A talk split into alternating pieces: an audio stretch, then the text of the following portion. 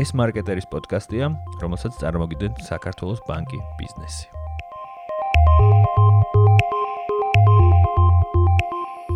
დღეს ჩვენ ძალიან საინტერესო სტუმარი გვყავს.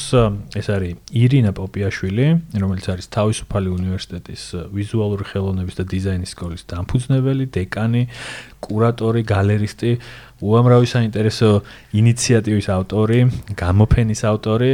ირინას ბიოგრაფიაში 90-იან წლებში, მაშინ როდესაც საქართველოსში რაღაც ნაცრისფერი ფერია, უიმედობა, დამარცხებული ქვეყანა, ახალ გამოვლილი ომი, ის სეირნობს თბილისში, ყავს სტუმრები და თავისუფლად დღესდღეობით უკვე თავისუფლების მოედანზე აა როდესაც არიან თუ არ თუ არ მეშლება ეს ისტორია მე შეიძლება ეს ჯერ კიდევ 91-ია მანამდე წებოდა არეულობა მოხდა. აჰა. ხო, ანუ უკვე ეს დაძაბული ფონი იყო ამ ამ პერიოდში. დაძაბული მაშინ იყო, აპროტესტებდნენ, კი, და გამოსვლები იყო და სწორედ მაშინ იყო პროტესტი იყო ლენინის ძეგლთან დაკავშირებით და სტუდენტების გამოსვლა იყო ლენინის ძეგლის აღებასთან დაკავშირებით. აჰა. და მე მყავდა ეს ეს friendship force-ის გაცვლითი პროგრამით იყვნენ ეს ჯიმი კარტერმა ჩამოიყვანა ამერიკელები, რომელიც აქ ოჯახებში ცხოვრობდნენ. ჩემი მეგობარი იყო ამ დროს ამერიკაში და მის ოჯახში იყვნენ სტუმრად ორი ცხოვრობდნენ და ნუ ამის გამო მოკლედ მშობლებთან მის ჩემ დაანახო მეგობარი იყო და ვეხმარებოდი მათ ასე ვთქვათ გიდი იყავი. გიდი ვიყავი და ინგლისურის ხო და სწორედ აქ ხდება ის მომენტი როდესაც ეს ადამიანი გეუბნება რომ ხო არ გინდა რომ ამერიკაში წამოხვიდე. ეს ხო არ მითხრა რომ გმახსოვს მუზეუმში შევდიოდეთ ეს ეროვნულ მუზეუმში და მაშინ მკითხა რომ ეს ინგლისური კარგად არ გინდა ამერიკაში ისწავლო და მე ახალი ჩამოსულიყავი პოლონეთიდან იმიტომ რომ მე პოლონეთში ვისწავლე დავწერე დიპლომი და იქიდან ახალი დაბრუნებული ვიყავი და ну ჩემი ისეთი ბუნებრივი შეკითხვა რა თქმა უნდა მაგრამ როგორ მეთქი მხარი და როგორ მახსოვს თქვა რომ მე როტარი კლუბის წევრი ვარო და ჩვენო ეს გვაქვს სტიპენდიაო რა თქმა უნდა მე გამოვიქედი სახლში და ვეძებედი თხანს იმაში ლექსიკონში როტარი რას ნიშნავდა. დრა კლუბი? ხო დრა კლუბი იყო და ხოლმე მაშინ რაც რაღაც სინქრონული თარგმნის კურსებზე დავდიოდი და როგორ მახსოვს მაშინ გელაჩარკვიანი ასწავლეთ ეგ და ხოლმე მან შეძლო აიხსნა რა იყო ეს როტარი კლუბი თორე თბილისში პრინციპში მაშინდელ ლექსიკონში ეს არ ეწერა რა იყო და და როგორ შეიძლება ითქვას რომ იმ მომენტშივე დათანხმდი ამ ყველაფერს თუ? არა დათანხმებაზე არ იყო იმიტომ რომ უნდა ჩამებარებინა უნდა გახოს ესეთი უნდა გამოეგზავნათ application-ი შესავსები და მე უნდა ჩამეტო EFL-ი და GRE იმიტომ რომ graduate school-ში უნდა წავსულიყო ანუ სამაგისტრო პროგრამაზე. ამიტომ ეს ყველაფერი რაღაც მაშინ ისე დიდი თავგაზსავალი იყო. და რამდენ წელს გაგზელდა შენი ნიუ-იორკში ცხოვრება? ანუ ესე რაღაც მე აქედან ეს იყო და მაშინ მიმიღეს პროგრამაში, როცა ჩავაბარე ეს გამოცდები და მიმიღეს University of Georgia in Athens, ანუ შტატ ჯორჯიის შტატში, ეს აბსოლუტურად შემთხვევითი იყო, რა თქმა უნდა. და მე იქ ვისწავლე და მე ვიყავი ატლანტაში და 95 წელს მე გადავედი ნიუ-იორკში. სანამ აქამდე მივალთ ერთ-ერთი ბოლო სტატია მარკეტერი თანამშრომლობს ჰარვარდის უნივერსიტეტისთან და მათ სტატიას პერიოდულად თარგმნის და ერთ-ერთი ბოლო სტატია იყო ხე შენ ბიოგრაფიასთან მქონდა ესეთ შეკითხვა, რომ თითქოს საზღვარგარეთ ცხოვრება ეხმარება ადამიანს შეიცნოს თავის თავი უკეთს და ისეთი ირინა პოპიაშვილი როგორც ჩვენ დღეს ვიცნობთ, ასეთი ირინას ჩამოყალიბებაში ამერიკაში აი ამ პერიოდმა რამე განსაკუთრებული როლი ითამაშა. ან თუნდაც იმან რომ მანამდე პოლონეთში იყავი თუ სუ ესეთი აქტიური იყავი და ინიციატივებით სავსე და არ ვიცი. ამ არა, პოლონეთმა ჩემთვის ნამდვილად ძალიან დიდი ეს ალბათ პირველი პირველი შემთხვევა იყო, როდესაც მარტო წახვედი საცხოვრება? და 20 წლის ასაკში ამ პოლონეთში წავსულად. ის საერთოდ დამოუკიდებლად ცხოვრება. და ძალიან მნიშვნელოვანი როლი ითამაშა გარდა იმისა, რომ უცბად აღმოჩნდა, რომ პოლონეთში ჩავედი, უნდა დამეწერა დიპლომი და აღმოჩნდა, რომ დიპლომი პოლონურად უნდა დამეწერა. აჰა. და მე როგორ მაქვს ეს 150 გვერდიანი პოლონურად დაწერილი დიპლომი და ხანდახან რომ გადავხედავ ხოლმე სიმართლე გითხრა არც კი მჯერა მე თვითონ დავწერე. აა მაგრამ ხო, ну რაღაცა ხო სიტყვა მაშინ გამოჩნდა რომ რაღაც ეს ექსტრემალურ სიტუაციაში რომ ჩაგაგდონ ყველაფერს გააკეთებ. ალბათ ეს გავაკეთე მაშინ და მაგრამ თავისთავად ძალიან რა თქმა უნდა, რაც მნიშვნელოვანი იყო ჩემი აზრით ეს სხვა ქვეყანაში თუნდაც პოლონეთში ცხოვრება პირველი იყო ის რომ რაღაც ამ შენი ჩარჩოებიდან რაღაცა ადათ წესები და ტრადიციები რაც გონი, იმიტომ იბადები და იზრდები ამით, უცბად ეს ვთქვათ გეხსნება ბევრი რაღაცა, რომ ხვდები რომ შენ თავისთვის შენი ბრძოლა ამ პერიოდში იწყება თუ 20 წლამდე ძირინაც ასეთი ბავშვობაშიც ასეთი ტიპი აა ნუ არა, ალბათ კი აქტიური და ეს რა ქვია. პეპი მაღალწინდოთ ინსპირირებული რაღაცები ყოველთვის ხონდა, მაგრამ კი. ძალიან საინტერესო. და შემდეგ ასევე შენი კარიერიდან, რაც არის ჩემთვის ძალიან საინტერესო, იმიტომ რომ ხარ ადამიანი, რომელიც აა თითქოს იყენებდი ყველა მომენტს. შეიძლება ბიოგრაფიაში არ ჩანს რაღაც მომენტები, რომელიც არ გამოიყენე, მაგრამ მე ამოვიკითხე, რომ შესაძაც ხარ ჯორჯიაში, შენი ლექტორი გეუბნება, რომ იცი რა ირინა, როშენ და წახვიდე ნიუ-იორკში, რაც ცოტა ალბათ სიგიჟეთ ჟღერდა, კი, მაგრამ როგორ წავიდე ამ ნიუ-იორკში? ეს არის პირველი შემთხვევა და მეორე შემთხვევაც მახსენდება, როდესაც გამოფენის გახსნას, ხო, თუ არ ვცდები, რომ აი უნდა გახსნა გამოფენა. გეუბნება და შენ თითქოს ამ შანსსაც იყენებდა ხსნით ჩელსიში ამ გამოფენას. ხო, გამოფენას, ხო. აა გალერიის გალერიის ხო, გამოფენა, არასწორი სიტყვა. აა იყენებდი მოკლედ ამ მომენტებს თუ იყო რამე რაც არ არ გამოგიყენებია ცხოვრებაში ვისაც კარგი რჩევა მოგცეს და იცი ანუ დაურჩევისადაც ვარ აქაც. აა არა ალბათ იმიტომ რომ ყოველთვის არ მოყოლ შემთხვევაში მე მაგ რომ დავფიქრდე ალბათ არ არის ესეთი რაღაცა რაც არ გამომიყენებია ამ შემთხვევაში ნამდვილად ხა ეხლა რო ვფიქრობ ხოლმე ალბათ ესეთი გამოთქმა რო არის ხო ignorance is bliss.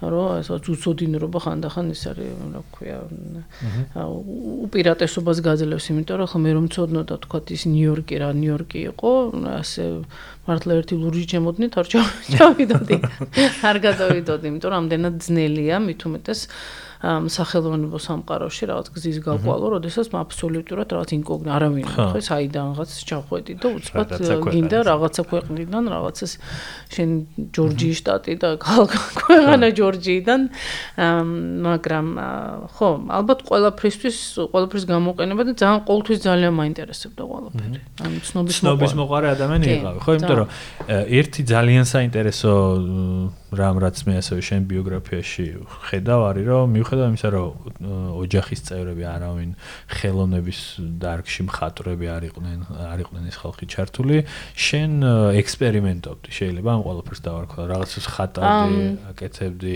რა არის ეგ კარგი შეკითხვა მაგრამ გეტყვი რაშია საქმე იმიტომ დედა ჩემი იყო ფიზიკოსი და ასწავლიდა უნივერსიტეტში. მამა ჩემი მეტალურგი და ყველა მიცის რომ მეტალურგიაზე ლაპარაკობს მუდამ. და მაგრამ აი დღესაც ახლა თქვა თავის უნივერსიტეტში და სტუდენტები მოდიან, სულ ფიქრობ ხომ, რომ არის ხომ რა თქმა უნდა მშობლები ამბობენ, რომ აი რაღაც ხელოვნებაში რომ წავიდეს, როგორ იცხოვრებს. მე ძალიან მადლობელი ვარ ჩემ მშობლებს, იმიტომ რომ მათ სადღაც ის რომ მე ვხატავდი და ვიყავ ესეთი განსხვავებული ოჯახში, პირიქით ძალიან ხელი შემეწყვეს ყველანაირად, რომ მე ხატვის სკოლაში მიაბრა, იმიტომ რომ კოლონოვის მოედანზე ხა სამხატვრო სკოლა და იქ დავდიოდი და ვხატავდი. და ნუ ყველანაირად ეს ჩემი განსხვავებულობა და ის რომ მე ხელოვნება მაინტერესებდა და ეს ყველანაირად მიხედავთ იმას ამავე დროს ძალიან კარგად ვსწავლობდი მათემატიკასაც და ფიზიკასაც. ძალიან საინტერესო და რაღაცა მომენტში უკვე ირინას ცხოვრებაში ხდება ეს გადაწყვეტილების მიღება, რომ იცი რა მე არტისტი კი არა, ბოლომდე არამედ რა გალერისტი, ანუ იგივე დარგში რჩები, აი ეს როგორ მოხდა ეს მომენტი?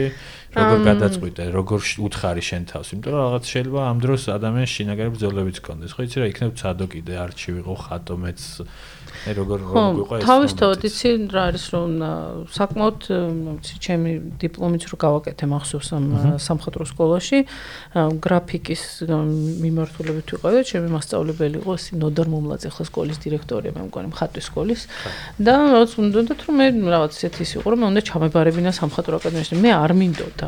აი სადღაც ეს ნამდვილად კარგად მახსოვს იმიტომ არის არ არც დაუძალებიან რაღაც, მაგრამ მე არ მინდოდა მხატვრობ, მე მინდოდა უფრო აი რაც მხატვრობთან და ხელოვანებთან მე მუშაობ, ამიტომ ხელოვნება ცოდნობა, ამიტომაც ავირჩიე, მაგრამ მხატვრობა არ მინდოდა. რაც შეეხება აი მე მე ძალიან ხშირად რა თქმა უნდა ძალიან ბევრ სახელოსნოებში დავდივარ მხატვრებს ნახულობ აქაც ნავით ყველა ქვეყანაში პრინციპში მე როცა მივდივარ არასოდეს ტურისტად რომ მივდივარ მაშინაც ვიღაცა ნაცნობი მხატვარი რაღაცა მივდივარ და ნახულობ სახელოსნოში და ძალიან ხშირად ჩანს ხოლმე, იმიტომ რომ არის აი ადამ ყველა ადამიანს აქვს შინაგანი მოტორი. და შენ გრძნობ ვიღაც აკეთებს კარგ დამუშავებას, მაგრამ აი მოტორი გავყვება და ეს სულ იმუშავებს და გააკეთებს დამუშავებს თუ აღარ გააკეთებს. აი ძალიან ცნობილი მხატვარი იყო მაგალითად არბი კიტაი. ოკეი. ნუ აი რაღაც რაღაცა პერიოდი, თქვა 5 წელიწადი არ ხატავდა არაფერს. ნუ ხელოვნებისა რომ ძალიან პროდუქტიულია. ნუ ხელოვნების ცხოვრებაში ხდება ესეთი რაღაცები, მაგრამ ხო, მაგრამ იცი აი ხედავ და ბევრს აქვს, მაგრამ იცი აი ხედავ არის გზნობ რაღაცნაირად ეს ცოტა ინსტინქტურად რომ ვიღაცას აქვს ეს მოტორი და ის სულ მუდამ იმუშავებს, იმიტომ რომ როგორც ეს უბრალოდ ცხოვრების წესია, ხო, შენ როგორც არ შეგილია მაგის გარეშე.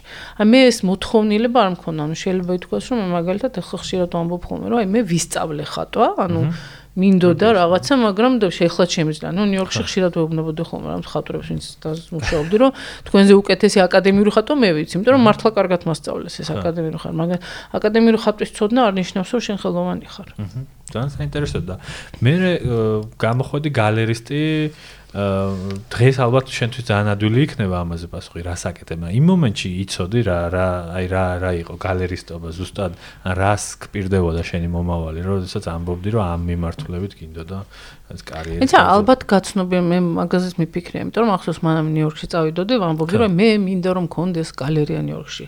მე არ მახსოვს, მაგრამ ეს თავისთავად ეს მე მინდოდა, იმიტომ რომ მინდოდა ეს ეს გამოფენები მომწონდა ყოველთვის და გაკეთება. ჩემთვისაც დღემდე დღემდე აი უნივერსიტეტში როცა ვაკეთებდი სტუდენტების ულ აკეთებენ ხო სემესტრში ორჯერ გამოფენას.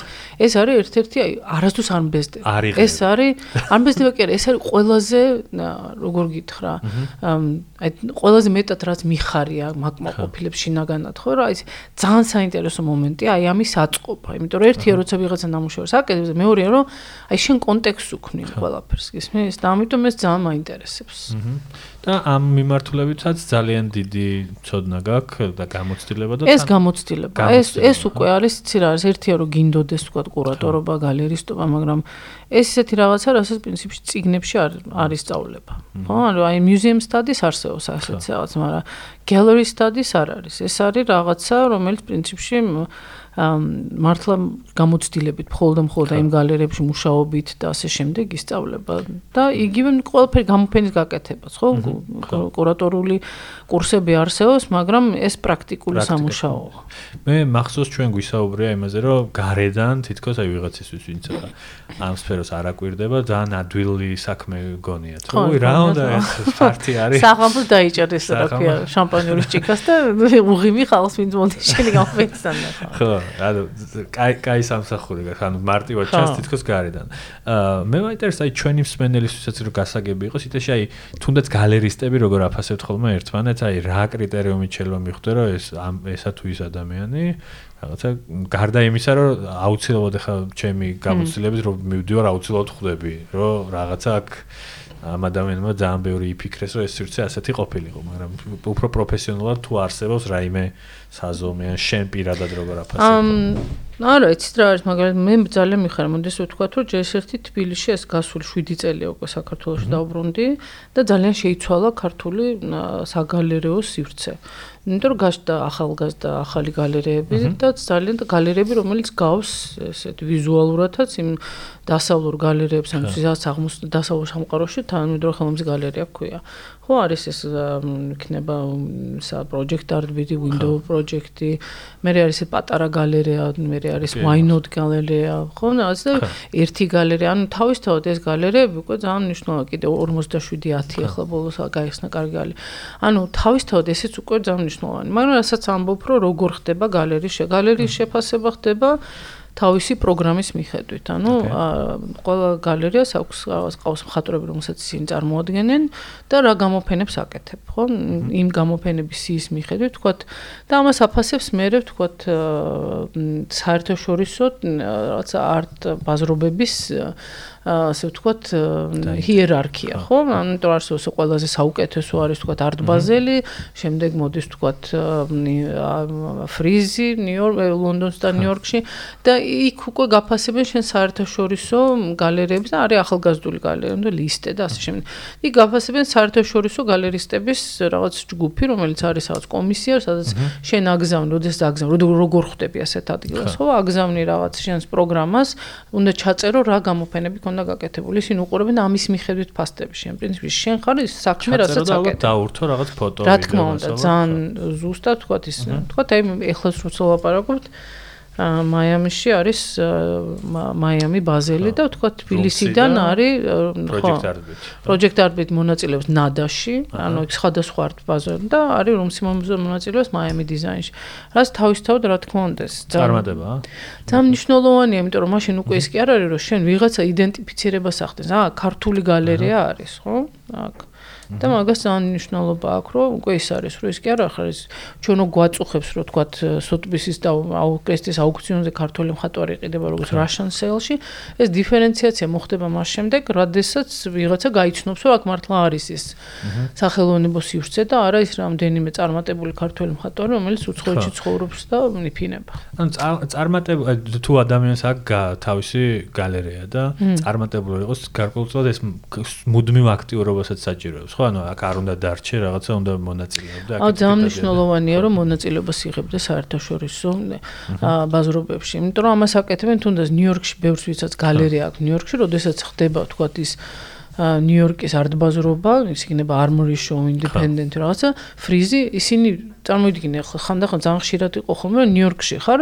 შენიხდი საკმაოდ მაღალ ქირას და ამავე დროს მონაწილეობას კი უნდა მოხდე მართ არტ ბაზრობაზე და გადაიხედო კიდე უფრო საკმაოდ ძვირია ისინი არც ერთი არ არის იაფი და შენ ამხელად თანხას ხარჯავ იმავე ქალაქში მიგაკ და იფინები ხო რაღაც მაგრამ იქ ყოფნა მნიშვნელოვანია იმიტომ რომ საერთაშორისო თქვა აუდიტორია რომელიც ჩამოდის იმის სანახავად იმან უნდა გნახოს. ანუ შენი იმიტომ რომ არტ მარკეტი გლობალურია ხო აღარ არის მხოლოდ და მხოლოდ ლოკალური იმიტომ მთელი შეიძლება ითქვას რომ ეს ყველაფერი გარკვეულწილად აი ბიზნესის ნაწილიც არის რა თქმა უნდა ეს არის ყველაზე დიდი ბიზნესი. ნიუ-იორკში თვითონ მეგონი მეორე თუ მესამე ადგილზე არის შემ ანუ ბიზნესის ბრუნვის მხრივ არტ ბიზნესი. ხო ანუ ძალიან მნიშვნელოვანია.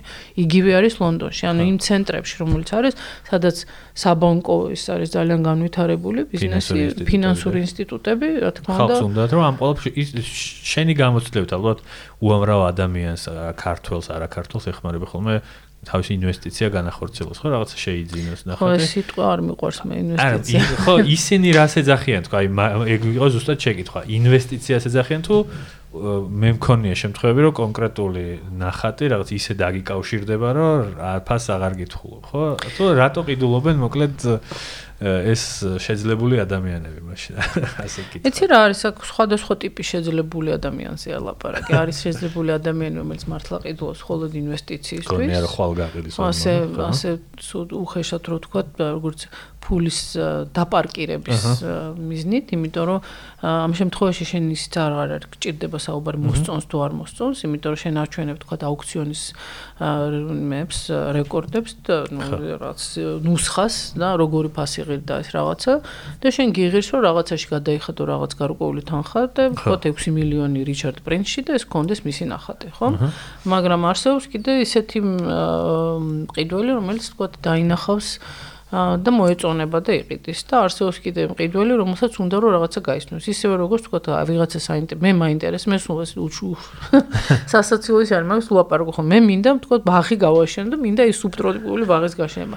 მე როცა არ ვიცი მე ხო ვეძებ ვიღაცას მირჩევს თქვა აი აქ ეს გაიზდება თუ არ გაიზდება ამიტომ არის მყიდველები რომელიც არავის არ ეკითხებიან მე მომწონს და მე მაქვს ეს გემოვნება და მე ვიყიდი და როგორც წესი ესეთი ხალხი მაგალითად არ ყიდულობს ხოლმე სტორ პალმას არის დება ის პალმა მე იმათქას ანუ ძალიან ისეთ გაშეკეთებას მაგრამ მნიშვნელოვანია რომ თოთ არის მწოდნე მყიდველი და არის მყიდველი რომელიც არ აქვს მნიშვნელობა. მომწონს და ვიყიდი ამ შემთხვევაში მე მე არავის ვთქვათ განკითხვას კი ჯაჯმენტს არ ვაკეთებ ასე ვთქვათ უკაც რაღაც მაგრამ ნუ ალბათ მნიშვნელოვანია. ხო ან გინდა რომ ვთქვათ რაღაცას მე რამდენიმე წლის მე ამას კონდეს ან ღირებულება. კონდეს ან არა. მე ყველაზე მეტად ამ შემთხვევაში მე რა თქმა უნდა არის როცა მეკითხებიან ხოლმე რაღაც მე მაინტერესებს ახალგაზრდები.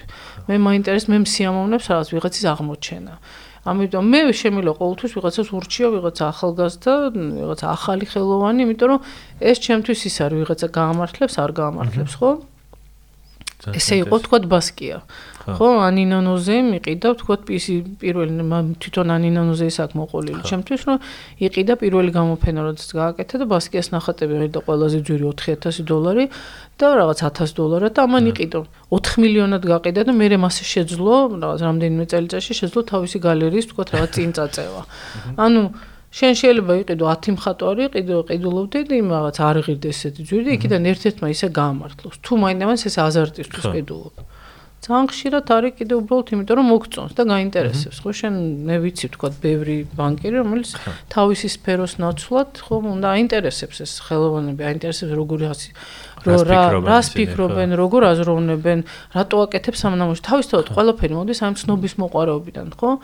რაღაცა თამადრო ხელოვნებას რო შეიძლება უყურებ, რაღაც არ მესმის, მაგრამ აი შეკითხვის დასმის მომენტია. რო აი რატო აკეთებს იმას? ის კი არა რომ ამას მეც გავაკეთებდი.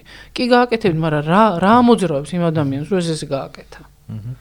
თუ ეს ცნობის მოყარეობა გააქვს, მაშინ ბევრ ამის გაიგებ, ხო? იმიტომ რომ ეს ეს არის. ძალიან საინტერესოა და ირინა შენთან მაგ ასეთი შეკითხვა იმიტომ რომ ჩვენ ყავს სმენელი რომელსაც შეიძლება უმეტესად აქვს ხოლმე ისეთი ინფორმაცია წაკითხული, როდესაც კონკრეტული რაღაც თანამედროვე ხელოვნების ნიმუში კონკრეტული ფასი ღირს და რაღაც ამ ფასის ირგვლივ მიდის რა ძვირია, დედა ეს რა უბედურება, ამაში მილიონი ვინ გადაიხადა და ასე შემდეგ. გასაგები რო იყოს და ხვდები რომ შეიძლება ამაზე რაღაც ზუსტი პასუხი არ არსებობს. როგორ ხდება ფასდადება, ფასწარმოქმნა? გულისხმობ არა ისეთ არტისტებზე, რომლებზეც ახლა ნუ ბასკიაზე რაღაც გარკვეულად შეთანხმებულები ვართ, რომ ეს ადამიანი აღარ არის ცოცხალი და მე რაღაც ლიმიტირებულია მისი, მაგრამ ჩვენ მოვესწარეთ და მე ამას მე საქართველოსდეც გკითხავ, რომ ცოცხალ ქართველი ადამიანები რამოდენიმე ათასებად ყიდიან თავის ნახატებს და როგორ და ზოგი ყავს ალბათ ჩვენ შეგიმჩნევია და გიპოვია ასეთი არტისტი რომელიც მართლა ნიჭიერია და რაღაც არიცის თავის თავის ფასი და რაღაცა ძალიან იაფად ყიდის ხოლმე თავის თავის. ფას წარმოქმნა როგორ ხდება დაახლოებით მაინც. მე ეს მიღირს თუ აი როგორ როგორ როგორ ასორჩევდი ხოლმე არა თავისთავად მაგალითად ხანდახან აი უნივერსიტეტში როდესაც ვაკეთებთ ხოლმე გამოფენას მოდის დავიწყოთ რომ კიდევ ის არის რომ ძალიან ხელოვან ხელოვანებს ახალგაზრდებსაც და არა ახალგაზრდებს ძალიან უჭირთ თავიანთი ნამუშევრის შეფასება. ამიტომ რომ ხანდახან შეიძლება ხომ ან ძალიან არარეალურ ფასს ამბობენ, ან ძალიან დაბალს, ამიტომ ზუსტად განსაზღვრა ცოტა ძნელია. ძნელია და უჭირთ. ხო, ამიტომ მაგალითად მე მაგალითად, როდესაც ვაკეთებთ ხოლმე, ერთხელ იყო, თქვათ, როდესაც ყოველთვის ვიწევ ვიღაცებს ხელოვნე სახელოვნებო სივრციდან რომ მოვიდნენ და ნახონ სტუდენტების ნამუშევრები და ერთხელ ნინუკო საკანდელიძემ ესეთი რაღაც გააკეთა როდესაც პირველად მოვიდა რომ ყველას თხოვა რომ აბა ფასი დაადეთ თქვენს ნამუშევრს და იცი რა იყო ძალიან ჯერ ძალიან მორცხობენ მაგრამ დაანაც მოეწონათ. იმიტომ რომ უცბად რაღაც იცი რაღაცისთვის ფასი უნდა დაედოთ ხო? ეს თავისი ნამუშევრს პირველად იფიქრეს ალბათ ამ მიმართულებით ანუ სადღაც ადამიანის ხო ფსიქოლოგიის მომენტია, როცა შენ თავზე გეკითხებიან შენს ნამუშევარზე, თან სიამოვნებთ, მაგრამ თან არიციან, ამიტომ ყოველთვის მნიშვნელოვანია, რომ ასე ვთქვათ, ივარჯიშონ. ამ ეხლა რაც შეეხება იმას, როგორ ხდებოდა რაღაც შეფასება, მაგალითად ეს დაიწყო თუნდაც იგივე იმა ამქრები რო იყო მხატვრების, თქვა და ჰოლანდიაში და დღემდე ძალიან ბევრი ხელოვანი, თქვა ჰოლანდიაში ჩვეულებრივ აი სანტიმეტრის ანუ ფართობის მიხედვით ფასდებოდა. ხო, ანუ რაღაცა ვიღაც ჰოლანდიელ მხატვარს დღესაც რო ნიუ-იორკში მქონდა გამოფენა, ჰანს ბროკი და როდესაც ვიკითხე თქვა შენ ნამუშევრები, მე ჩემ გალერეაში ჩვენ აი ასე ეს სანტიმეტრობით, ანუ ფართობით გამიზომა, კვადრატულობით გამიზომა მისი ნახატი რა ღირდა. ანუ რაღაცა სფეროში, მაგალითად ისეთ რეგულირებულ ქვეყანაში როგორიც არის, მაგრამ ეს ერთია რომ ზომის მიხედვით, მაგრამ მეორეა რომ კიდევ თქვათ რაღაცა ფასეულობა. რაც შეეხება ეს ფასეულობა, ხო, რაღაც გარკვეული გაწერილი რუბრიკები ამ ფასეულობის არ არსებობს, იმიტომ რომ არის თქვათ შეიძლება იყოს ვიღაცა ვისაც გონია რომ თუ ეს კარგი ხელობის მხრივ კარგად შესრულებულია, ფასეულია, ტექნიკურია. ტექნიკურად, მაგრამ ეგეც საინტერესო ის არის, იმიტომ რომ სადღაც აი რენესანსის პერიოდში მოხდა ამის და დანაწივრება, დანაწერება, ანუ რენესანს მანამდე თქვა ეს ძალიან უცნაურია, მაგრამ ტექნე ერქვა და მე მე ბერძნული სიტყვარი, მაგრამ მედიცინაც, ხელოვნებაც და მუსიკა ყველა ერთ სფეროში იყო განერთიანებული. აი რენესანსის დროს მოხდა დანაწერება და. ხელოვანი არტისტი გახდა უფრო ფასეული და უფრო ისეთი და მე ეს ხელოსანი დიზაინერი უფრო ნაკლებად მნიშვნელოვანი. ანუ ხელოვანს უცბად ფასი დაედო ხედავ ისევ, ანუ იმან კი არ თვითონ კი არა, საზოგადოებამ რაღაც აუდიტორიამ და ხო, რაღაც გამოყო ამისი ფასი, ხო, მეცენატმა ვიღაცას, ვისაც აი მოსწონდა ამის ნამუშევარი, ამიტომ ეს უფრო ძვირფასი გახდა ვიდრე იმისი ხელობა, ხო? ანუ თავისთავად მაგის მნიშვნელოვანია, იმიტომ ისევ ჩემ მე ვიტყვი რომ გახდა მნიშვნელოვანი, იმიტომ რომ მე მივიდოდი რომ აზროვნებასთან ხო? ის ხელოსანი აკეთებდა მაგრამ ამას იდეა ქონდა რომელიც შენ ეს იდეა რომ გახოლ ყვებ მიყვება იცი რა არის და მიყვება ფიქრობ ამაზე და ეს ხო ხო გახსენებს ხო იმიტომ რომ შენ ემოცია ყველაზე მნიშვნელოვანია ნამუშევართან დააკავო და რაღაცასთან დააკავშირო ეს ემოციური კონტაქტი იმიტომ რომ ამით იმახსოვრებ. რა თქმა უნდა. ხო? ეს არ არის მხოლოდ რაღაც გონებით დამახსოვრებული ეს არის რაღაც აი გულით დამახსოვრებული მე რომ გონება რაღაცას და ფიქრობ ამაზე ძალიან საინტერესოა. აა ჩემი შემდეგი შენ საქართველოს დაბრუნდებოდი ნიუ-იორკში ცხოვრობდი. კი. და ნიუ-იორკზე გაქვს ერთი ასეთი მოგონება, რომ ნიუ-იორკი არის ესეთი ქალაქი, სადაც ყოველ დილით ქუჩაში რომ გამოხვალ, რაც არ უნდა უფულოდ იყო, როგორი პრობლემებიც არ უნდა გქონდეს, ცისფერ ცას რომ ახედავ, იმდენი ენერგიით იმუხტები, რომ ხვდები, ყველაფერი შეგიძლია. უცნაურია ნამდვილად როგორი ქაოტური და ხმაურიანია, მაგრამ მაინც აქვს ერთგვარი წესრიგი, ერთგვარი სტრუქტურა, რაც აქ თბილისში საერთოდ არ არსებობს. ამიტომ გარეთ არსებული ქაოსი ჩვენთან თავისთავად მოქმედებს, ისედაც გაუწონასწორებულ ემოციურ ფონზე და კიდევ უფრო რთული ხდება იყო პროდუქტიული. და ირინა რაღაც კარიერის პიკში ნიუ-იორკში ნიუ-იორკში ყველა იცნობს ატიჟება ყველა გამოფენაზე და გადაწყვიტე რომ დაბრუნდე საქართველოში. აი ეს მომენტი როდის დგება ადამიანის ცხოვრებაში რა მოხდა რამ დაგაბრუნა ნუ დამობრუნა საქართველოში? ამ და მე მე მაინტერესებს უკვე აი ეს შენი ჩართულობა თავისუფალ უნივერსიტეტში, იმიტომ რომ ძალიან საინტერესო ისტორია მაგის მიღება, მაგრამ საქართველოში დაბრუნება ეს როგორ როგორ მოხდა? რაღაც საქართველოში დაბრუნება მოხდა იმით, რომ მე უკვე ნიუ-იორკშიც მაინტერესებდა საგანმანათლებლო სფერო. ხო, მაინტერესებდა, იმიტომ რომ new school არის ეგეთი for social design. და იქაც იყო ესეთი ლაპარაკი, იმიტომ რომ ჩემი ამხანა გასწავლიდა და მაინტერესებდა და დამაინტერესებდა თუ არა იქ სწავლება და ასე შემდეგ. ამ და რაღაც ლაპარაკობთ იმ ანაზღაურებაზე, თქვა გალერეიდან ამდენი დრო უნდა მომეკლო ჩემი სამსახურისთვის, ანუ ჩემი დრო იქ იქ მესწავლებინა და ამ სწორედ ამ დროს აქ რამდენიმე ფაქტორმა იმუშავა, იმიტომ რომ მეც და ჩემი ძმაც ორივე ცხოვრობთ ამ დროს ნიუ-იორკში და დედა ჩემი გახდა ავად და ქონდა ალცჰაიმერის სკლეროზი. და რაღაც რომელიღაცა ერთ-ერთი უნდა დაუბრუნებულიყავი და ამიტომ მე და ჩემი ძმაც ყოველთვის ამაზე ვლაპარაკობდით და აა სწორედ მაშინ მე შემომთავაზა ამერიკანი კარურვამ და კითხა ესეთი რაღაცა რომ აი საქართველოს დაბრუნდებოდი და აი შემომთავაზა ეს სამხატვრო აკადემიის უხემძღვანელებდიო. ეცეთ რა ეხლა ერთი რაღაცა ძალიან მნიშვნელოვანი, იმიტომ რომ მითხრა, ნუ ჩემი პირველი რეაქცია იყო რომ ნუ აი ხო ნიუ-იორკში უცნაურის არის, იმიტომ რომ იმდენად ეს როცა ალბათ ყველა სამ საქმეს როცა აკეთე, იმდენად ხარ ჩაფლული და ეს იმდენად მნიშვნელოვანია ყოფნა. ხელოვანებიც ამბობენ, რომ ხშირად რო გონია, რომ 1 2 თვე რო სადმე წახვიდე, всё, დამთავრდება ყველაფერი. აღარ დაჭirdები მესამედ. და ძალიან მნიშვნელოვანია ყოფნა, მაგრამ ცი რა არის მე ჩამოვედი პირველად ხალხ მე მგონი დეკემბერი იყო ეს სექტემბერში მივაპარაკეთ ამაზე და მე ვთხოვე რომ ვიფიქრებდი.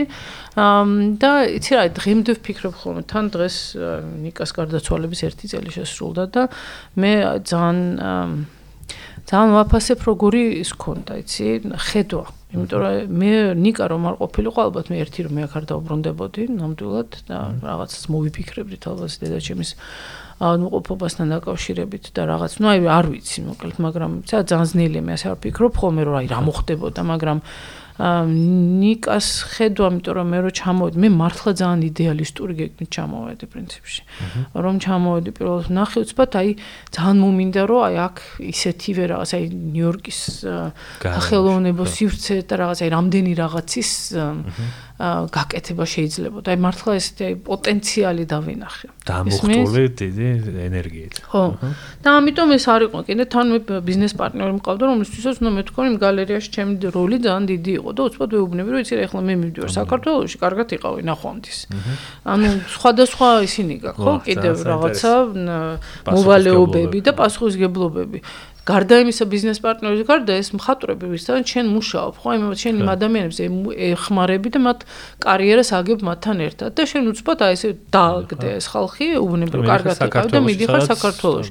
სადაც შენ ანუ მე აქედან იმათეს მე არ მივიდიო ლონდონში, სადაც შეიძლება რომ რაც განავითარო მითი მათი კარიერა ამ ბერლინში, ხო?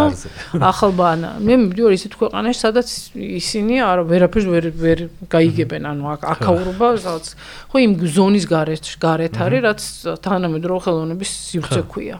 აა ხო და ამიტომ ხო, ამიტომ ძალიან ისეთი იყო რა, ჩამოსო მართლა ისე ცივწყალში რო ჩაგაგდებენ დაახლოებით ესეთი. მაგრამ შენ რაღაცა გინდოდა რომ საქართველოსი ჩავალ, იმიტომ რომ გჯეროდა რომ ამ გარემოში მე შემეძლო ხო, მე ეხლა როცა უყურებ, მითომ ეს მე ვხედავ, რამდენად იდეალისტური იყო ჩემი დამოკიდებულება ამ ინსტიტუციასთან, თვითონ სამხატვრო აკადემიასთან და რა საერთოდ რისი გაკეთება მინდოდა. თუმცა უნდა ვთქვა, რომ მე ერთი წუთით ბევრმა იცის ხოლმე რომ არ გენატრებანი ორი, მე არ უნანობ, იმიტომ რომ არანაირად პირიქით, იმიტომ რომ ჩემთვის ძალიან საინტერესოა, იმიტომ რომ ის რაც მე რაც გავაკეთე თქვა და რაც გაკეთე თავისუფალ უნივერსიტეტში ამ ჩვენი სკოლით და ფაკულტეტით და არის ალბათ იცი ესეთი ცვლილება რომ შეიტანო რაღაცას. ნიუ-იორკში ძალიან ბევრი რამ იმიტომ რომ შენ ერთ-ერთი გალერეა ხარ მაგრამ აი აქ ამითი რაღაცა სახე იცვლება რაღაც ახალი თაობის და სხვა ტიპის გამოფენები კეთდება და ძალიან ძალიან ჩანან. ეს ჩემთვის არის ყველაზე როგორ გითხრა ერთ-ერთი ყველაზე ესეთი საამაყო ის არის სტუდენტები, რომლებიც მართლა ძალიან კარგად აზროვნებენ და ძალიან მაგარ მივალთ მაგამდე, იცი რატო აი ხე საინტერესოა გადავახტით ამ თემას. შემდეგი შენი ეტაპი რომ ჩამოხვედი და სამხატვრო აკადემია და ასე შემდეგ, მე არის თავისუფალი უნივერსიტეტი და აქაც როგორც მახსოვს ბატონ კახა ბენდუკიძესთანაც გქონდა რა საინტერესო მოლაპარაკებები როგორ დაგითანხმეს იმიტომ რომ ეხლა საქართველოში ჩვენ ვინც ცხოვრობდით და რაღაცა ესე თავისუფალი უნივერსიტეტი ჩვენთვის რაღაცა ბიზნეს სკოლა იყო გარკვეული რაღაც წესებით, წესჩვეულებებით და შენ რაღაც შენი გეგმებით მიხვედი თუ არ ვწდები კახასთან რომ ასე კი არ უნდა მივიღოთ ხალხი, ისე უნდა მივიღოთ პორტფოლიოებით ისე ეს. მე და მისი ხედვა რა იყო ამ ყველაფერზე? იცი რა არის მახსოვს რომ რა შეჭirdებოდა იმას ირინა პოპიაშვილი? ხო, ძალიან ისეთის იყო, იმიტომ რომ ამ აი როცა მოხდა ეს რომ აკადემიაში აღარ უჭirdებოდი და მე უცხოს ხეული მიწოდეს და მოკლედ ეს რაღაც გადატრიალება და გამოგდება რომ მოხდა ჩემი რო კაჯი ისინი ამ ინსტიტუციიდან ეხლა რეტროსპექტივაში რო უყურებ კიდევ კარგი რომ ეს ასე მოხდა. იმიტომ რომ ალბათ მე იმის გაკეთებას იმდენის გაკეთებას ვერ შევძლებდი იქ რაც გავაკეთე თავისუფალ უნივერსიტეტში. და დაახლოებით ეს მოხდა ნოემბერში იყო და იცნობდი კახას თუ ხო? აი როგორ მოხდა ეს ისტორია? იმიტომ რომ უცბად გახდა ეს რაღაც ეს აკადემიაში ეს გადატრიალება, უცბად გავხდი რაღაც იყო ძალიან მედიის იმის დიდი ის მოიწვია და პირველად აღმოჩნდა რომ პირდაპირ ეთერში და მუდმივად რაღაც ინტერვიუები და რა ხდება სახელმწიფო აკადემიაში, იმიტომ რომ სტუდენტები გამოდიოდნენ ის რაღაც ის თანამშრომლები რაღაც იძახდნენ რომ მე რაღაც აბრალებდნენ რაღაცებს და მოკლედ იყო ეს ძალიან ძალიან დიდი შეხლა შემოხლა იყო. და პრინციპში მე არავის არ იქ არავის არავითარი ცვლილება არ უნდა და მე მივხვდი ჩემი როგორი ილუზიური იყო ეს ჩემი წარმოდგენა იმიტაზე. თუმცა ნუ რაც არის და იმ ინსტიტუციამ როგორც გააგრძელა არსებობა ეს ჩემთვის არანაირი პრობლემა არ არის, იმიტომ რომ სწორედ მაშინ იყო რომ დამირეკას კახა ბენდუკიძისთან მისმა დივანმა და მითხრა რომ შეხვედრა უნდა და მას. და მაშინ მე მივიდიოდი ნიუ-იორკში და მოკლედ მოვილაპარაკეთ რომ მე ნიუ-იორკიდან დავბრუნდებოდი იანვრის დასაწყისში სწორედ შევხვდით კახას. აა და შევხვდი მაშინ და ახლანდელი რექტორი ვინც არის ვატო ლეჟავა, კანცლერი იყო ვატოსთან ერთად და მთელი ჯგუფი, იმიტომ რომ კახას ყოველთვის უყურდა რაღაც მოკრება თავისი და სწორედ მაშინ რაღაცა ლავიწა საუბარი მას მინდა რომ მე მინდა რომ აი ხელოვნების სკოლა დავამატო თუ აქ და მე ძალიან რამდენიმე შეხვედრაზე ესე ჩუმად ვიარე იმიტომ რომ ხსოვს ნიკაროროას ძველაპარაკი ამაზე იმიტომ რომ ნუ მე არ ვიცნობდი კახას და რაღაც ვცადე რომ YouTube-ზე მოვძებნე რაღაც ესე არ ვიცოდი ნუ ესე და ნუ ამიტომ ცოტა ესე ვიყო მაგრამ მე მივხვდი რომ ნუ მეოსამე თუ მეოთხე თუ მივხვდი შეხვედრაზე ერთხელ ხარ რომ მოთხაიც და მე მაინტერესებს აი რატო გინდათ თქვენ ეს ამ ხელოვნების სკოლის დამატება.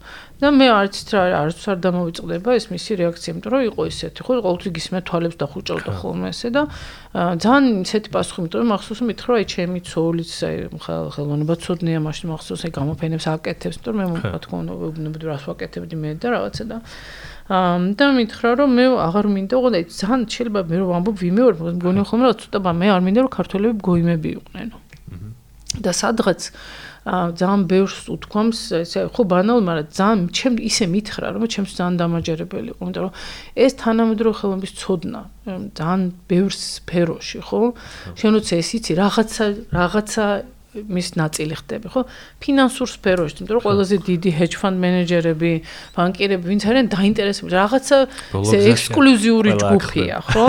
ხო, რაღაცა ექსკლუზიური ჯგუფი. სხვა თუ შეიძლება აუქციონებზე ვკითხულობდი და ისე ჩინელი მილიონერი, რომელმაც რაღაც რაღაც დიდი თან რაღაც 5 რაღაც მილიონი რაღაც 500 მილიონი გადაიხადა მოდილიანში, მანამდე ეს იყო 1-1 მილიონერი. ეს მის ტაქსისტი რო იყო ყოფილი და აი უცბად ამით ეს კაცი გახდა რაღაცა ჯგუფის წევრი. ეს მე ის რაღაცა არის მე მგონი ამ თამდრო ხელოვნებასთან იმაში ზიარებაში თუ ცოდნაში ხო ასე ვთქვათ ამისი. და სწორედ მაშინ მოშკენდა ეს კი და მე მქონდა უკვე ასე თქვის წარმოდგენა იმის როგორი მინდოდა მიღების ფორმის შეცვლა მაშინ სამხატვრო აკადემიაში და იგივე ნუ ჩვენ ვიღებთ პორტფოლიო ხო პორტფოლიო ჩვენთან ხდება მიღება პორტფოლიოთი და უკვე ყველამ ძალიან კარგად იცის როგორია ჩვენი პორტფოლიო და მოთხოვნები იმიტომ ნუ ძნელი იყო იმიტომ მხატვრებს არ ანუ პირველ კურსზე რომ მოდის ადამიანი უკვე გარკვეულწილად რაღაც პორტფოლიო უნდა ქონდეს თუ? ხო ნუ ძალიან მარტივი მაგრამ პორტფოლიო ანუ პორტფოლიო იმას ნიშნავს შენ რაღაც რა ქვია ხო ნუ რაღაცა ინტერესი გააქვს და ხო ნუ და ხატავ და არ არის ხოლმე და მხოლოდ რაღაც დრაპირებული რაღაცა ნაჭორმორტი და წინ დოქით და რაღაცით რომელიც ვიღაცამ დაგიდა ანუ შენ მაინტერესებს შენ რას ხატავ?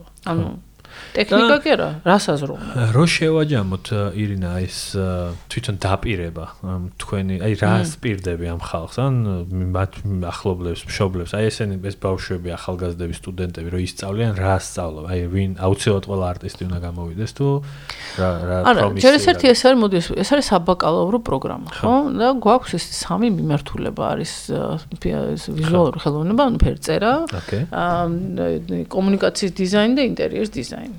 ამ და გითხრა რა თქმა უნდა დიზაინი როგორც არის ყველა მშობელს და რა თქმა უნდა ეს გონიათ რომ დიზაინი კომპიუტერი იცის ეს ბრჭყალებში რო იხმარო და ჩემო შვილმა სამსახური ყოველთვის ექნება. თუმცა მოდი ესე ვთქვა მე სულ ვამბობ ხოლმე რომ აი როდესაც ხარ შენ კარგი მხატვარი ანუ ხატრად ვარ გიღა შენ მე შეგიძლია ისწავლო და ის დიზაინერი იყო იმიტომ რომ შენ გაქვს აი ეს ეს ხელოვნების შეგრძნება. იმიტომ რომ დიზაინერი მხატვარი ყოველთვის ვერ იქნება. Yes და ამას ძალიან მნიშვნელობა აქვს. კიდე რაც შეეხება რუპასხუშენ, ანუ ვინ გამოვა ეს ხალხი, სად იმუშავებს. როგორ მახსოვს ეს ნიკარუროსთან საუბრობდით, იმიტომ რომ ვეუბნებოდი რომ აი იელის არც სკოლის დამთავრებული, მე ყველაზე წარმატებული სახელმწიფო სკოლა. ის ძარნიშნავს იმას გარანტია არა აქვს, რომ სამსახური ექნება, ხო? მაგრამ მე მიმაჩნია რომ ჩვენთან, ჩვენ ჯერში მიღება გვაქვს საკმაოდ ისეთი 30 სტუდენტს ვიღებთ წელიწადში, ეს არ არის 1700 სტუდენტი არ უყავს, ხო? 30 სტუდენტი. და სწორედ იმიტომაც არის 30 რომ ჩემი აზრით ეს ხელოვნება ხო ის კი არა რომ მარტო ესე მოლბერტებზე ხატავენ. ესენი აზროვნებენ სხვანაირად. ამიტომ ნებისმიერ ბიზნესში ეს ადამიანი შენ გჭირდება რატო გჭირდება იცი? თუ ძალიან კარგად იცი ყველა იმას გჭირდება რომ ადამიანი აზროვნებს შემოქმედებითად.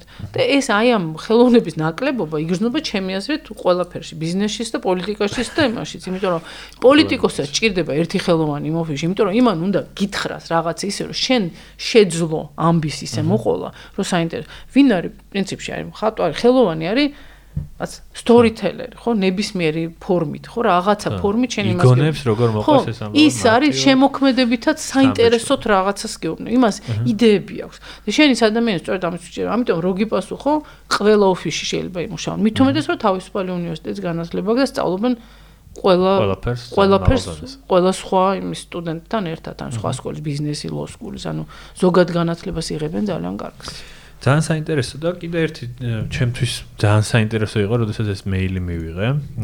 შენი სტუდენტები მწერდნენ, სხვათა შორის, რომ ჩვენ ვატარებთო არასაქოლმოქმედო გამოფენას და მაშინ ის იყო ჩემთვის პირადად ეს რაღაცა სტეიტმენტიც იყო, აი მხოლოდ ეს მოსაწვევი, რომ უცბად პირველად მეც დავფიქრდი, რომ იცი რა, თურმე შეიძლება გამოფენა მოაწყო, რომელიც შეიძლება იყოს არასაქოლმოქმედო და გარკვეულწილად ამ ახალგაზრდებმა ახალგაზრდობაშივე დაიწყო ფიქრი, რომ მათი ან სხვა არტისტების ნამუშევრები შეიძლება იყიდებოდეს ისე, რომ ადამიანი ამას ყიდულობდეს და არა მაინც და მაინც ყოველთვის ისე, რომ აუცილებლად ვიღაცას უნდა დავეხმაროთ, არტისტმა უნდა გაიგოს. ხო, სულ ყოველთვის არტისტმა უნდა გაიგოს და ამ დროს არ მოდიან თქვა ეს შენ რაღაცა როგორც ხვდები, რაღაცას დაუპირისპირდი, რაღაცა გინდოდა ამითი შეგეცოლა ამ ხალხის ტვინში, რომ ეს იყო ჩემი მე ვასწავლე ესეთ საქმეს თანამედროვე ხელოვნების ინსტიტუციები და ინფრასტრუქტურა. აჰა. ну, აუქციონი არის ერთ-ერთი ინსტიტუცია, მაგრამ თუმცა და დავალებათ იყო ის, რომ ყველა სათითაოდ რაღაცა პროექტი უნდა გაეკეთებინა და აი ამ რაღაც რამდენიმე სტუდენტს ჰქონდეს აუქციონი დავალებული და ძალიან წარმატებულად გააკეთეს წელს უკვე მესამედ ატარებენ ამას. თავისთავად სათაური ძალიან მნიშვნელოვანია, რომ არასაკუთარ ყოველთვის გეპატიჟებენ საქველმოქმედო აუქციონზე, ხო?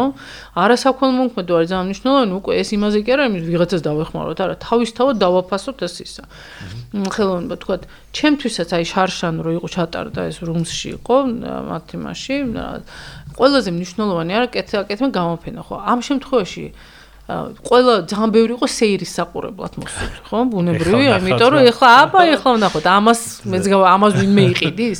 აქ იყო მნიშვნელოვანი ყველაზე მნიშვნელოვანი იყო პრეცედენტი რომ ეს ნამუშევრები ვიღაცა ახალგაზრდებს რომ არავინ ეს არ იყო კაკაბაძე გუდიაშვილი ფიროსმანი რომ ესენი იყიდებოდა.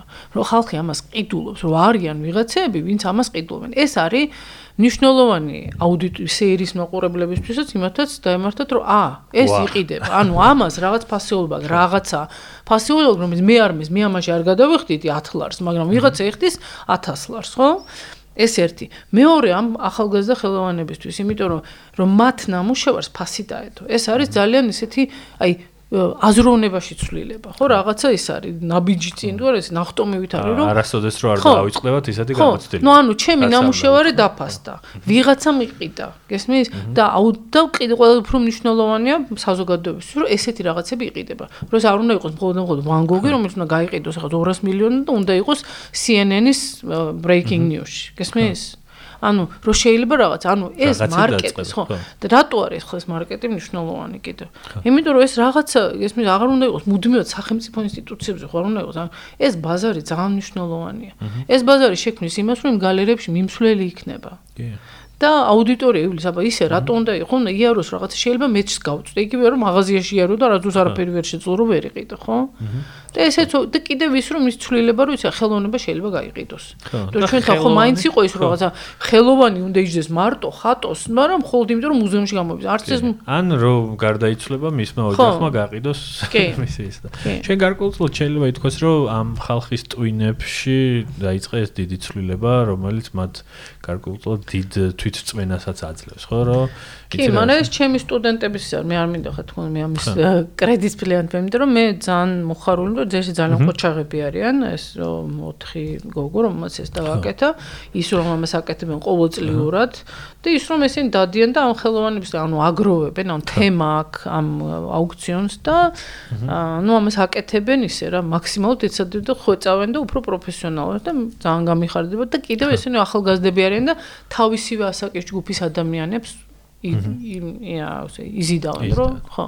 შენ გასაგებია რომ ხა ამის თქმა არ გინდა და სწორიც არის მაგრამ მე შემიძლია შევაფასო რომ შენერი ლიდერის garaშე ანუ გასაგებია რომ ამ ხალხში ეს მარცვალი იყო მაგრამ შენ მიეცი ჩემი აზრით ძალიან სერიოზული მაგალითი. ჩემი შემდეგი შეკითხვა ძალიან მოკლედ არის თანამედროვე ხელოვნების ირგვლივ, იმიტომ რომ ჩემი დაკვირვებით ყოველ შემთხვევაში ყოველდღიურად, მათ შორის ამ სტუდენტების, სხვა სტუდენტების, ადამიანების ბევრი გალერეის დამსახურებით, უფრო მასიური ხდება. მასიურში გულისხმობ, რომ უფრო მეტი ადამიანი ლაპარაკობს, როგორც მინიმუმ სტუმრობს, რაღაცა სურათს იღებს. ახლა არ ვიცი ვის როგორ ესმის, უნდა ესმოდეს თუ არა, მაგრამ შენც ერთ-ერთი ასეთი პროექტი გქონდა კონცალე თბილისი. კონცალე, კონცალე, რომ რომლის დროსაც როდესაც გააქვს ასეთი სიტყვაც კი ნათქვამი, რომ მე მინდა რომ რაც შეიძლება მეტ ადამიანს დავანახო, მეტ მანახოს, ხო? თანამედ ჩემი შეფასებით, არ ვიცი შენ ამას როგორ უყურებ, არის შენს ინტერესში და თანამედროვე ხელოვნება უნდა იყოს, რაც შეიძლება მეტი მასისთვის მისაწვდომი. არ აქვს მნიშვნელობა ისინი როგორ გაიგებენ, უნდა იყოს თუ რაღაცა ხო იყო ხოლმე მიდგომა, რომ იცი რა მაღალ ხელოვნებას იგებენ ხოლმე რაღაცა ელიტარული ჯგუფები, რაღაცა გარკვეული ბაბლი, რომელიც მხოლოდ ერთ და იგივე 300 ადამიანი დადის. შენ შენ რითი იქნებოდი ბედნიერი, რომ რაც შეიძლება მეტი ადამიანი მოიხმარდეს ამ ყველაფერს და სიამოვნებას იღებდეს თუ მაინც გირჩევნია რომ იყოს რაღაცა პატარა. ანუ აი ჯერს ეს კონსტალე თბილისი არის ესეთი ნომადური სივრცე, რომელიც მე და ლიკა ჭკუასელმა დავაარსეთ. და ეს არის ასე ვთქვათ, რატო ქვია კონს ეს არაფერია გერმანიასთან არ არის ასოცირებული, უბრალოდ ეს გავრცელებული ფორმა არის, ესეთი კონსტალე ქვია, იმიტომ რომ ეს სახელოვნებო სივრცე, რომელიც არის არამხოლოდ გერმანიაში დაიწყეს, მაგრამ არის სხვადასხვა, დეტროიტშიც არის კონსტალე და პრაღის კონსტალეა და ბუდაპეშტის და ასე შემდეგ. ამიტომ მე მინდოდა ამ სპეციალურ შევაში, იმიტომ რომ მინდოდა სულ მუდამ არის ლაპარაკი, რომ არ არის მუზეუმი, არ არის თანამედროვე ხელოვნების მუზეუმი და სწორედ ამიტომ მინდოდა. სპენელისთვის გასაგებია ეს არის გამოფენა, გამოსივსის garaში, ხო? გარო, ეს არის საგამოფენა მუზეუმი კოლექციის და კონკრეტული სივრცის garaში. აჰა. მხოლოდ და მხოლოდ ამ შემთხვევაში თბილისის კუნძულზე თბილისის შემთხვევაში. თორე ისე გადასარევი დიდი შენობები აქვს ხოლმე ესეც მდგომარეობიდან სიტუაციიდან გამომდინარე. მე არ მინდოდა დავლოდებოდი როდის მომცემენ ან როდის ჩავიგდებ სივრცეს ხელს. ეხლა რაც და ამიტომ და მოკლედ გამოსავალი ეხლა ჩვენს შეკითხვას რომ ვუპასუხოთ. ანუ რატომ მინდა რომ სხვათა შორის რაღაც ორი გუშინ თუ ვიღაცამ დასვას შეკითხვა Facebook-ზე კვანცაჯიშკარიანი რომელსაც აქვს ეს პატარა გალერეა და ვაინ რომ რაღაც ამ იანთაძე კითხულობდა რომ ვინ არიან თანამედროვე თანამედროვე ხელოვნები და ამ ჩამოწერილი იყო და სკრინშოტა რომ კაკაბაძე, ფიროსმანი და და მოკლედ ეს იყო ვაივიში თანამედროვე ხელოვნების მწოდნეებში და ხელოვნებში რომ აი საზოგადოება მარიცის არავინ ამად გარდა. თანამედროვე გონიათ კაკაბაძე და ფიროსმანი და ასე შემდეგ. ეხლა მოდი ესეც ვთქვათ, რომ ჩვენთან მუზეუმი რომ იყოს, აი მუზეუმის დანიშნულება, რატო მუზეუმი რო არა გვაქვს, ეს რაღაცა თქვა მის ბრალია და კიდევ სათანადო განათლება. ეცი რა არის, რომ ესეთი მას მოხმარების მაინც არ შეიძლება უცბად ვერ გახდებით თანავე. თუმცა დღევანდელ დღეს ახლა მუზეუმ ოფ მოდერნ არტში, უიტნი მუზეუმში, ანუ ინსტიტუცია, როცა ნიუ-იორკში ცნობილ მუზეუმში რიგებია, რომ იქ ვინმე შევიდეს. ეს არის, რა თქმა უნდა, ტურიზმი და არის ასევე ადგილობრივი მაცხოვრებლობა და შაბათ კვირას, აი თბილისში წარმოიდგინე, რომ ხონდეს ისეთი მუზეუმი, რომელსაც აქვს კარგი პროგრამა. საინტერესო გამოფენები და შენ შეგიძლია სკოლიდან კი არა შვილს და ხო იცი ან ოჯახისთან ერთად წახვალ და კვირას რა გააკეთო ხო იმაში ხო რომ გაიარო და გამოფენა ნახო. ეს ძალიან მნიშვნელოვანი იქნება. ამიტომ არის კარგი რომ ვიღაცა მიწოდა შენობას და მუზეუმს მაგიტომ აქვს, იმიტომ რომ ხო, ზოგ საინტერესებს შენობის არქიტექტურა, ზოგ საინტერესებს იმ შენობის კაფე. ხო, არიან ეს, არის ესეთი რაღაც მუზეუმი, მაგრამ აი ესეთი კარგი მუზეუმს ექნება ეს შედეგი, იმიტომ რომ რაღაც ვამბობდი, რომ მინსკში მაგალითად იყო თან მეორე მსოფლიო ომის მუზეუმი, ახლა ხანს ვიყავი და აი შაბათს მივედი, იმიტომ რომ მაინტერესებდა შენობა.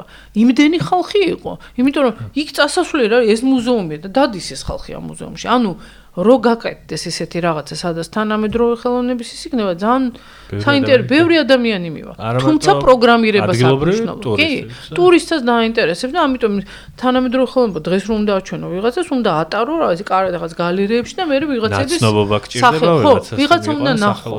ხო, იმიტომ რომ ვიღაცა აკეთებს შაბათკვირას გალერეების ტურს, მაგრამ რასაც ლავსნო თავარი იმის რომ ყველა დავაინტერესოთ, ხო? ნუ ეს ცოტა ისა, მაგრამ ყველა დავაინტერესოთ, იმიტომ ყოველთვის ჭირდება რაღაცას რაღაცაზე საუბარი, ხო? რაღაც როცა ილაპარაკებ ამაზე, როცა ამაზე მეტი აქცენტი იქნება, აა თქვა რაღაცით ხო ინტერაქციული იქნება. ხო, მაგალითად ეხლა ესეთ ობსკურ არის ესეთი კურატორების ჯგუფი, მათმა გააკეთეს ეკრანიზატორი. არის რაღაც 20 თეთრს ჩააგდებ და იქ ნამუშევარს გიჩვენებს. არის სამ ადგილას არის, მაგრამ ეს იდეა არის თავისთავად საინტერესო. ორიგინალს არ გიჩვენებს, ხო, ჩააგდებ და ხო, ეს გააკეთეს ამ ობსკურა ჯგუფმა. ანუ რამდენად საინტერესო იქნება, რომ თქვა ქალაქში იდგეს რაღაცა ჩააგდო იმას და თქვა ბავშვს ხო, ნუ იმიტომ რომ თამაშია, იმიტომ რომ რაღაცას აგდებ და რაღაცას დაინახა, ხო? ხო, ნუ მაგრამ ამისი განვითარება შეიძლება. შენ ვერ ნახო, მაგრამ ესე ნახავ. ანუ ბევრი საინტერესო ადამიანი, რომელსაც კარგი იდეა აქვს და ვთქვათ, მაგიტომ ამბობდი ტაქსიმსღოლი, იმიტომ თქვი რომ ამდენი რომ იძახდნენ ხო რომ ვიღაცასთან რომ ჩავждებოდი და ამბობდი რომ აი თქვა ხელოვნურ მეკითხე ხო რა თქმა უნდა კითხონ. აა რო აფურთხებდნენ ერთმანეთს სულ მაგას ვამბობ ხოლმე. მე მაგალ იმ ტაქსიმსღოლის მიგი ეს შეფურთხება ხო გახსოვს? ანუ ხო ლაპარაკობ ამაზე. ეს გააკეთეს 15 წლის წინ მე მგონი. დის ლამაზი ნახატი ვიღაცამ რო დახატა დიპლომატ ის არიცი იმაზე არ ლაპარაკობ. ანუ იმას რაღაცა ისა რა ქვია რა ქვია იმპაქტ რა ესეთი შედეგი ხო გავლენა ქონდა რომ დღესაც კი შენ მაგას მეუბნები. აა ისინი. მაგრამ ეს ახსოვს რა იმიტომ რომ გააშუქა ტელევიზიამ ხო? მაგრამ კარგი იქნება რომ ტელევიზიის გარდა სხვა რაღაცების აშუქ კონდეს ანუ სხვა ტიპის ხო ყველაფერს რომ მეტი ის კონდეს და უფრო გააქტიურდეს და ჩემი ბოლო შეკითხვა ირინა პოპიაშვილს რა რა აძლევს იმ мотиваციას, რომ ჯეროდეს мотиваცია საიდან მოდის, აი ეს ენერგეტიკა საიდან გაქვს, რომ ჯეროდეს ნულოვანი თაობის, როგორც ჩვენ უწოდებ, თაობის, რომელსაც აა მე ვატყობ რომ ძალიან დიდ შენ ცხოვრებისეულ ენერგიას ახარჯავ, სურათებს უღებ, აპიარებ, გადაყოლილი ხარ, მოკლედ ამ ხალხს. მე მიხარია, გაპიარებაც არ არის, მე იმდენად ეს შენ ვერ წარმოგიდგენ რომ ამ ხელა სიხარული 20 ადამიანი აკეთებს სულ ახალიას გესმის ნამუშევარს. ან გესმის აკეთებენ აი აბსოლუტური დაშლა ეს გენდერული წარმოდგენის თქვა ვინ რას აკეთებს. რკინით ისეთ და შედუღებით ისეთ ნამუშევრებს აკეთებენ რაღაც ამდენიმე გოგო ხო ისეთი სასწაული ეს მე უბრალოდ მიხარია რა თქმა უნდა როცა მიხარია მინდა რომ გაგიზიარო ხო? და ამ თაობის მე იმიტომ მიხარია მათი არსებობა, იმიტომ რომ ერთი, იმიტომ ეს არის სადღაც აი post post თაობა. როგორც იცი ძალიან საინტერესოა, იმიტომ რომ ოდესაც ჩამოდიან, ხო, უცხოელი მაინც ყოველთვის გააკავშირებენ. აა, იმიტომ რომ ესენი იყენებენ მართლა გადაყრილნი, აი საბჭოთა ნაგავზე აკეთებენ ესენი ნამუშევრს. ჩვენ შემთხვევაში აგრარულის ნაგავი მთლიანად აითვისეს და რისაიკლინგი გაუშვეს ხელოვნებაში, ხო? და ეს იმიტომ და საინტერესოა, იცი რატო? იმიტომ რომ ესენი აკეთებენ ამას აბსოლუტურად ესეთი, იმიტომ რომ აი შემოქმედება უნდა და აკეთებენ, სურვილი აქვთ, ხო? ამათ არ აქვთ ის ესენი არაკეთებენ მაინდამაინც იმიტომ რომ სადღაც აუცილებლად ვიღაცამ ბერლინში წაიყვანოს და გამოფინოს ლონდონში ეს თავისთავად კოლეგიალობის მომენტი არის რომ ერთმანეთს აჩვენებენ აკეთებენ და რა თქმა უნდა ამათ ხელი შეწყობა უნდა ყოველთვის ეგრე არის ენერგია ხო რომ იწება ინერციაში არ უნდა გადავიდეს და გაჩერდება ნუ ამათ თუ ხელ შეუწყობდა ესენი წარმატებული იქნებიან და მე დარწმუნებულია თუ ყველაფერი ხო. მშვიდად იქნება ქვეყანაში ამათ ეს ნამდვილად შეძლებენ ძალიან წარმატებული ხელოვანი ვიყო ძალიან მნიშვნელოვანია რომ ჩემი მიზანია რომ აი რომელიღაც ამათგანიდან და ვინც ახლა ეს ხელოვანები არიან რომ საერთაშორისო კარიერა გააკეთოს ვიღაცამ რუსეთ თბილისში ცხოვროს და ჩემი აზრით აბსოლუტურად შესაძლებელია ეს. შენი აზრის გჯერა იმიტომ რომ გარდა საქართველოსა იცნობ თავარ წამყვან ბაზრებს სადაც და ესენიც ხო ესენიც იფინებიან ნელ-ნელა იქ იმიტომ ძალიან ძალიან კარგი. ძალიან დიდი მადლობა. დღეს ჩვენი სტუმარი იყო ირინა პოპიაშვილი, საუბრობდით თანამედროვე ხელოვნებაზე, არტისტებზე, ირინას გზაზე, რომელიც გაიარა, სანამ საქართველოსში ჩამოვიდოდა და ბევრი ახალგაზრდისთვის გახდებოდა მოტივატორი, რომ რაღაცა ეკეთებინათ და გამოევლინათ სრული პოტენციალი თავიანთი შესაძლებლობის. მადლობა. კიდევ ერთი რაღაცა მე მეთქვა ჩვენი ეს არის ვიზუალური ხელოვნების არქიტექტურის და დიზაინის. ჩვენ დავაბადეთ არქიტექტურა. აჰა. ეს მარკეტერის პოდკასტია, რომელსაც წარმოგიდგენთ საქართველოს ბანკი ბიზნესი. thank you